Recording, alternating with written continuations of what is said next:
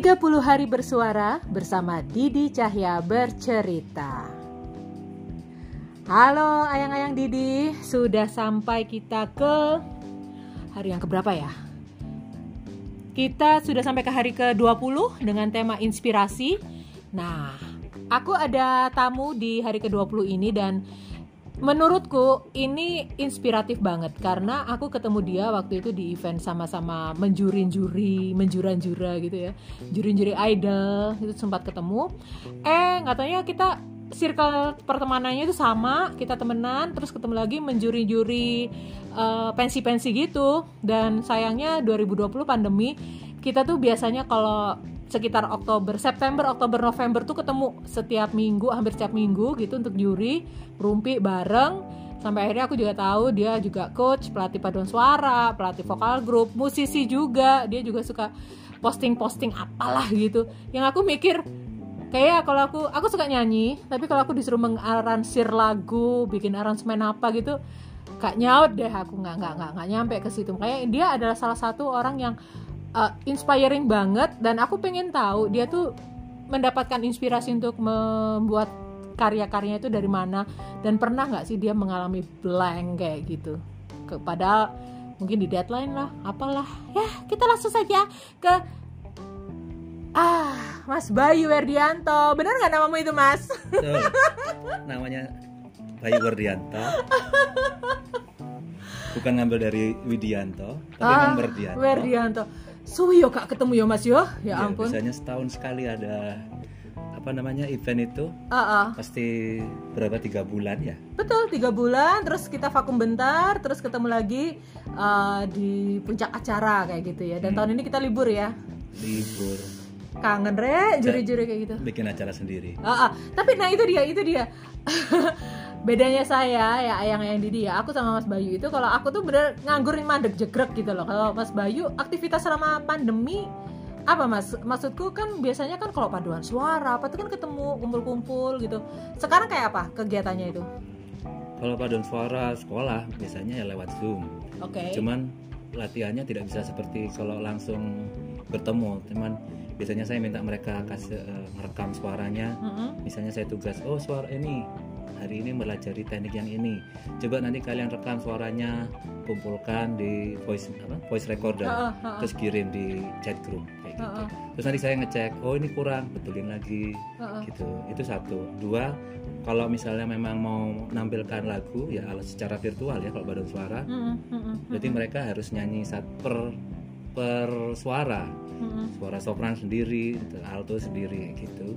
Terus nanti mereka kumpulkan ke saya misalnya masih salah rekam ulang lagi kayak gitu nanti saya yang mengumpulkan dan mengeditnya nah ini yang tadinya tidak bisa ngedit-ngedit itu sekarang sejak pandemi ini jadi tukang edit baik suara maupun eh baik baik audio maupun visual ya Iya iya iya. Dan dan Mas Bayu ini baik loh. Dia dia mau bantu ngeditin podcastku loh. aku aku nanti mau terus diajari ya wes aku. Iya tapi benar eh, Iya benar juga ya. Kadang-kadang pandemi ini ada satu yang harus kita syukuri ya, memaksa kita untuk melakukan sesuatu yang ya sebelumnya tidak pernah kita lakukan. mm-mm.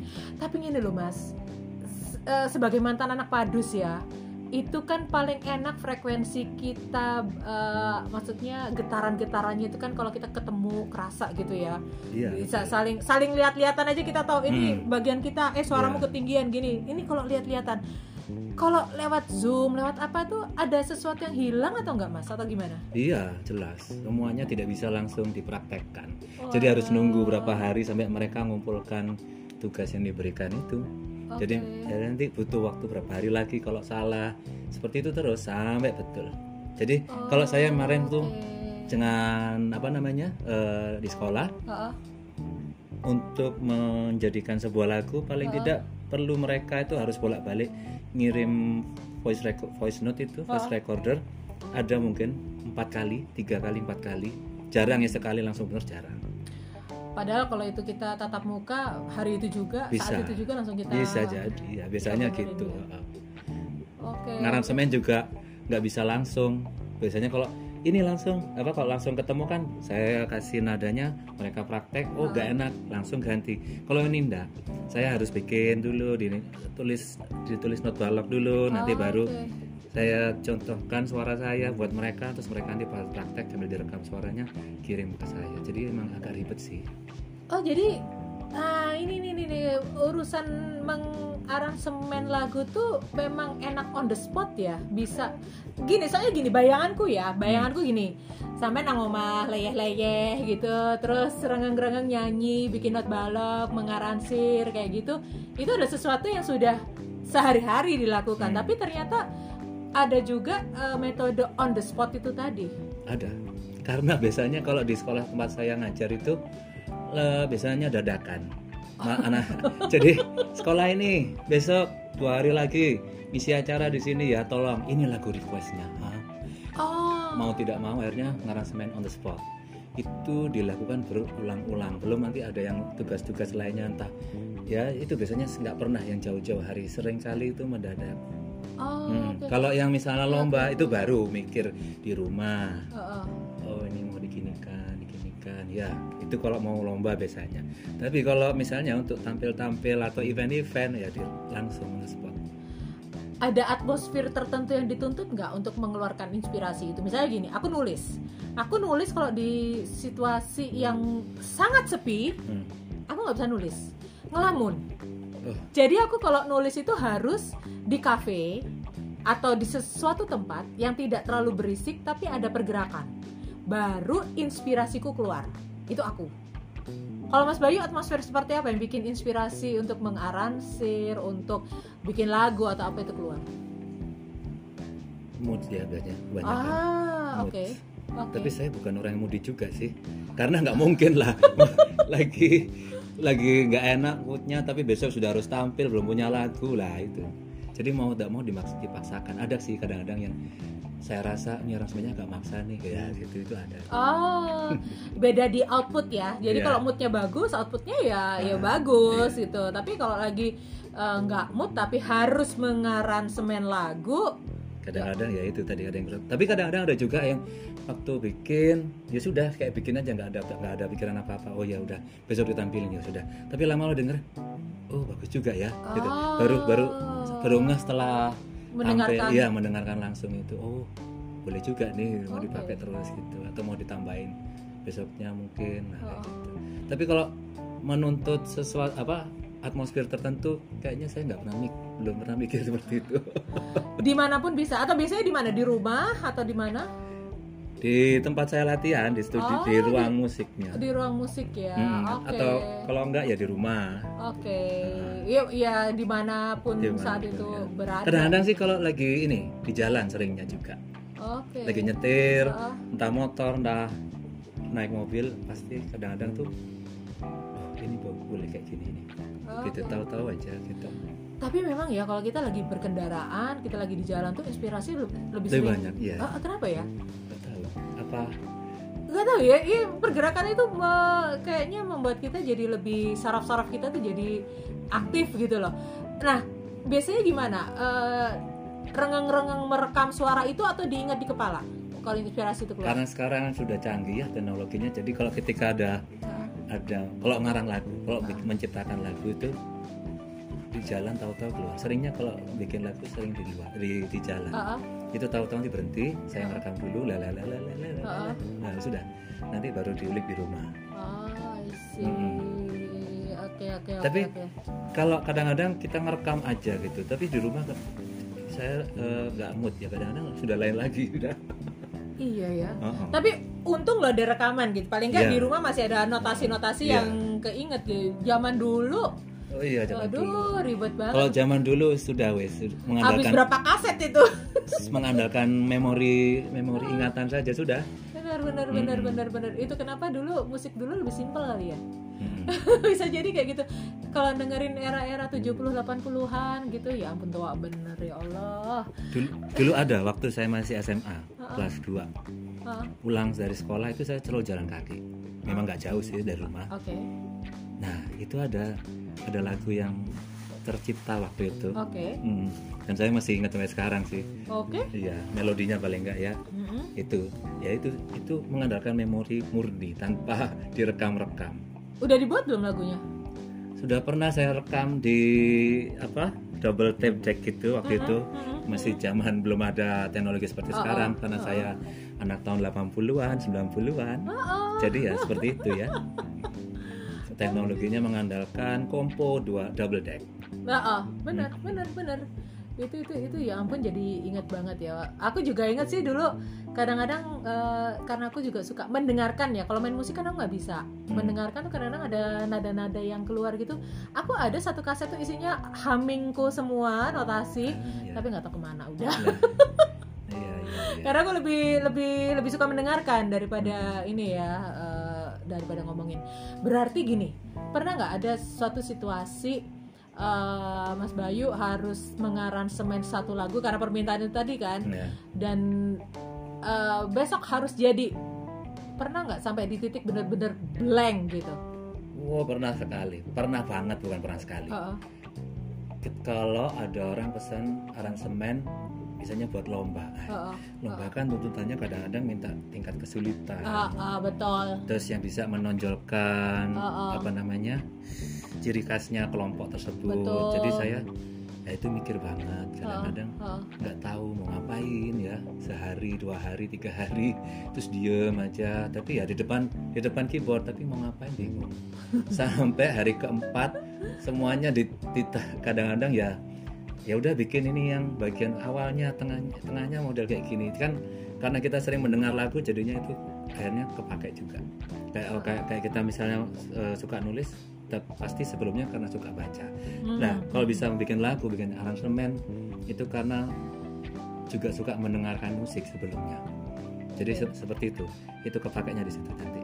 Kalau kepepet, Oke. ya, ya itu yang, yang bagian A seperti ini, bagian tengah lagu seperti ini, endingnya seperti ini, terus gitu lah. Hmm, ya ya, agak maksa sih. Kesimpulannya gitu ya, agak maksa gitu ya. ya, Oke. ya, itu seperti itu kalau lagi blank. Tapi karena karena deadline ya mau nggak mau ya harus bikin. Ya sudah gitu, bikin aja. Mas, aku itu ini ya. eh aku tuh selalu salut sama pencipta lagu ataupun orang yang bermain dengan musik gitu ya. Karena notasi itu kan sebenarnya nggak banyak dan kalau kita nggak hati-hati karena kita inspired by gitu ya, itu bisa keluar notasi yang sama Mhm. atau berapa bar yang sama gitu Mhm. sampai eh, sekelas RMBTS pun itu dia juga pernah dituduh untuk plagiasi gitu ya Hmm. sebagai pencipta lagu itu ada nggak cara-cara supaya Mas Bayu nggak terjebak di situ? Eh, biasanya karena dinyanyikan oleh orang yang beda-beda Heeh. nanti itu biasanya ada sesuatu yang baru sih kalau saya jadi Oh. itu yang tadinya eh, melodi itu mirip banget jadi nanti eh, nggak nggak nggak mirip banget mungkin Oh, cuma oke. 50% terus belum ketambahan musiknya ya itu nanti bisa beda lagi itu saya sih Hmm. Jadi ya ciptain dan ciptain aja ya. Iya. Kalau eh, cuman ya ada ada berusaha mikir oh ini terlalu mirip ya jangan iya jangan. Soalnya ya, ini loh ayang-ayang Didi, aku tuh kan baru-baru aja sih. Sebenarnya dari dulu itu yang K-pop atau apa itu aku mendengarkan itu lebih suka yang solo, duet Iya. atau original soundtrack. Jadi bukan yang grup gitu Hmm. ya. Aku sempet kaget gitu ada ada lagu yang aku baru denger gitu kok notasi ah, gitarnya tuh rada-rada kayak lagu Indonesia gitu makanya kadang-kadang ya itu aku tanyakan itu tadi ada ketakutan gitu kok ternyata mirip gitu. Tapi memang kemungkinan itu ada ya. Selalu ada. Selalu Hmm. ada. Saya aja waktu SMA masih pernah ngarang lagu itu. Terus habis itu nggak lama berapa bulan kemudian keluar sebuah soundtrack dari sebuah film. Terus dari dari salah satu lagu itu bukan lagu yang hits sih memang.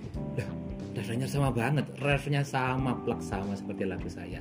Padahal saya kenal nggak? Nggak kenal. Saya- publish juga nggak? Saya bikinnya lebih dulu daripada kasetnya keluar. Nggak Oh. pernah nggak pernah jadi komposisi yang komplit. Waktu itu masih ada di kepala saja sama sama apa eh, saya main piano sendiri. Oh, oh. itu itu satu. Dua kali juga pernah. Eh ngaransemen lagu sama teman sama sat- satu band. Oh, oh. direkam kayak demo gitu. Terus eh, intronya kok eh, berapa berapa tahun kemudian agak lama keluar lagu dari sebuah boy band terkenal ha, ha. Amerika ha. eh intronya sama banget Bisa Terus- ya kayak gitu iya terus saya telepon teman-teman saya eh eh ini loh intronya kok sama banget sama lagu yang pernah kita bikin dulu ha. banget sama plug intronya Oke. Mm-mm, dari alat yang ya hampir sama juga Oke. Perasaanmu gak teriris, Mas? iya iya lah itu lagu Amerika sedang iya, lintas benua dan iya. kita siapa mereka siapa Iya, kan? amatiran kita Jadi memang potensi notasi yang terbatas itu memang sangat eh, apa ya peluang untuk kemiripan itu memang Mm-mm. luar biasa ya. Ngeri loh ternyata Eh, ya.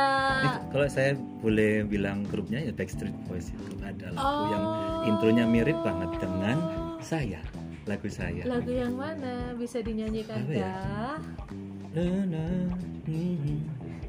terus apa lupa ya Oh. mendadak skip tiba-tiba Backstreet Boys loh ayang-ayang Didi ya ya ya itu melintasi samudra dan benua gitu ternyata mirip.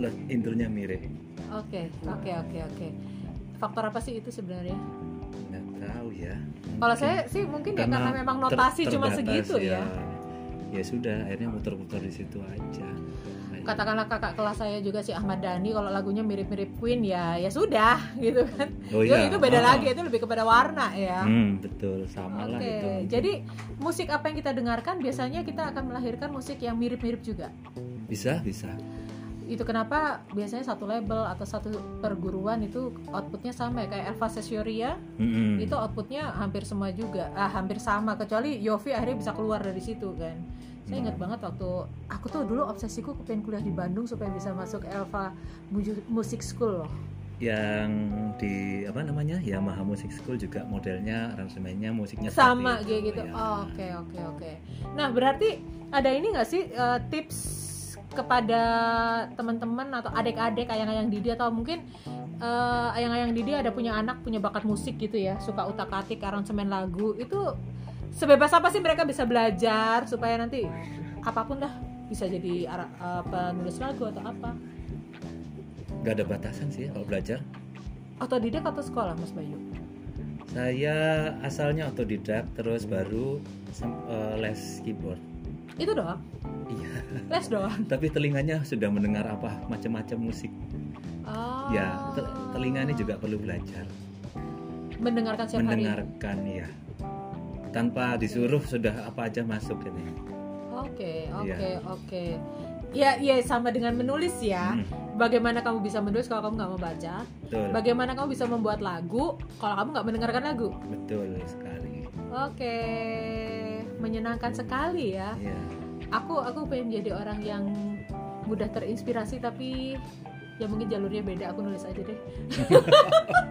nah itu saya nggak bisa nulis lirik Perlu collab oh mungkin? iya iya karena kalau setiap kali nulis lirik tuh lama-lama maksa ya maksa banget gitu aduh udah nggak jadi gitu Iya, iya, iya, iya, iya, iya. Eh, benar, benar, benar. Karena ah itu kenapa Anto Hood sama Meli Guslau bisa awet. ya vlog gitu Si Meli itu liriknya simple dan aku punya lagu tapi kok bisa bikin musiknya.